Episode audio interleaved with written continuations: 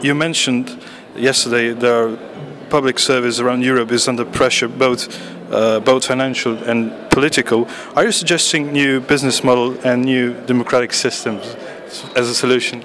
No, I'm not. Uh, I'm very satisfied actually with the situation that we do have in the countries where we have a well functioning license fee and where we have strong political support. But I think what I'm trying to say is that this is not to be taken for granted. Uh, it's a lot of things going on in Europe, also in Sweden. The license fee is now under question, also in Sweden. And therefore, I think the trust of the population, the trust of your audience is quite vital. Because if you do have that, it's not so hard for people that want to change your system to actually succeed. Yes, but in real life, public media does have to consider the public, the business models and find new ways of uh, financing. I mean, in, yeah. at least in Slovenia, how, how is it in Sweden? Yeah, I, I guess you're right. And, and, and you, you have to remember that public service in Europe is very differently financed in different countries. But for us in Sweden, at least, it's very important to keep the independence from the politicians. So I don't want to have a tax based system, and we are not allowed to use advertisement. So then there aren't that many business models to use. And, and for us, still the license fee is functioning quite well. Uh, it's it's not 100%. It will never be 100%. But as long as you don't have a better system that you know will function for you, I don't think you should should should change it. we have a little bit of everything, so that's not the best solution. And and to fight for the future of radio, uh, commercials need commercial radio needs to work with public radio. I believe this was also a message of, of the last year's uh, radio days. But how is this happening in Sweden? We have a very good cooperation in Sweden between commercial radio and, and public service radio when it comes to distribution. Uh, we have joint forces now to try to get our politicians to actually make a, a clear, distinctive decision about DAB+, uh, which we don't have yet in Sweden. And by doing that together jointly, we show that this is actually not a question for commercial radio, it's not a question for public service radio, it's a question for those who love radio as a whole. And, and if we want to have a strong radio position still in the future, it has to go digital, also with the terrestrial network. Mm-hmm. And mobile phones are becoming ever more uh, common device to listen to the radio. However, some device manufacturers like Apple or Google are still not letting FM receivers to their devices. Are they waiting for DAB plus receivers, or what is uh, the strategies there? No, I frankly think they want to earn money, uh, and you don't earn money on free-to-air radio. Uh, but for us as radio companies, as public service companies, it's important to have both. You need digital terrestrial radio. For that, you use DAB+, because then you have an independent, easy way to access a lot of people, one too many. Uh, but then you also need the mobile phones. I mean, the mobile phone is a radio receiver in everybody's pocket, especially the smartphones. And through the apps, you can reach a younger audience that maybe don't go and buy a radio receiver. So it's crucial, I think, that you have both. And therefore, it would be nice if it would be an activated chip in all the mobile phones so you can listen to terrestrial radio or to IP, doesn't matter. We are not there today, so I think we as radio companies have to focus on both.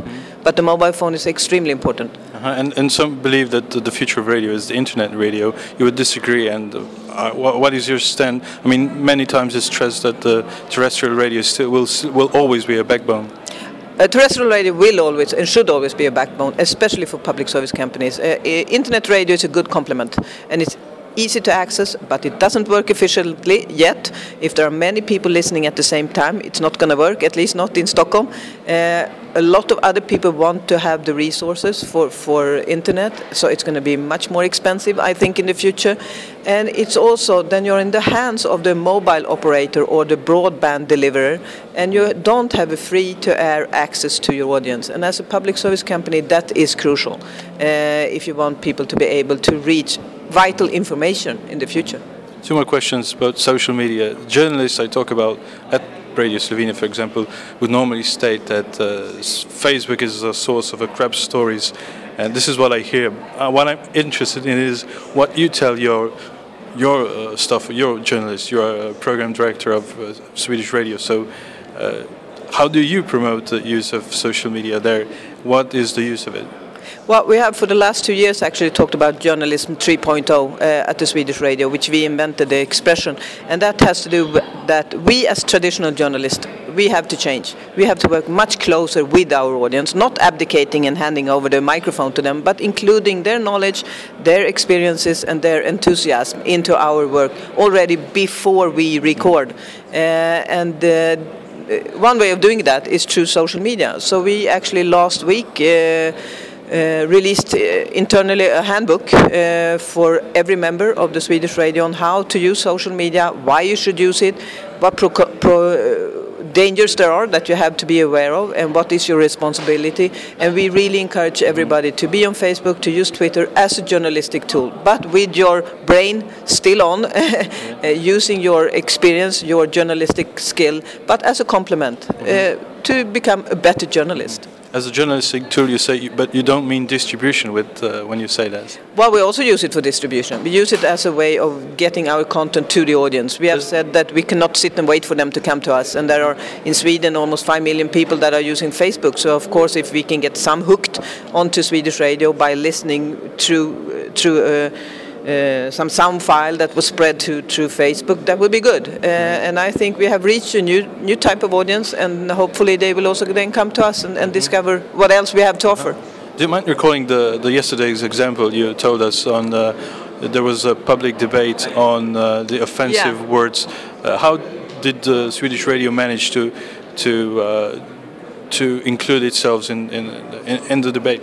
Well, I think we have a young uh, station targeting young urban urban immigrants, and they did the really right thing. They said, "Well, why is this discussed about what is okay to use, what kind of words are okay to use without being called a racist by white middle-aged people in the parliament or on the editorial pages? Let's go out and ask the public how does it feel to be the receiver of these words." So they issued a small video on, on YouTube, and and they created a hashtag on Twitter, and uh, they asked people, "How does it feel?"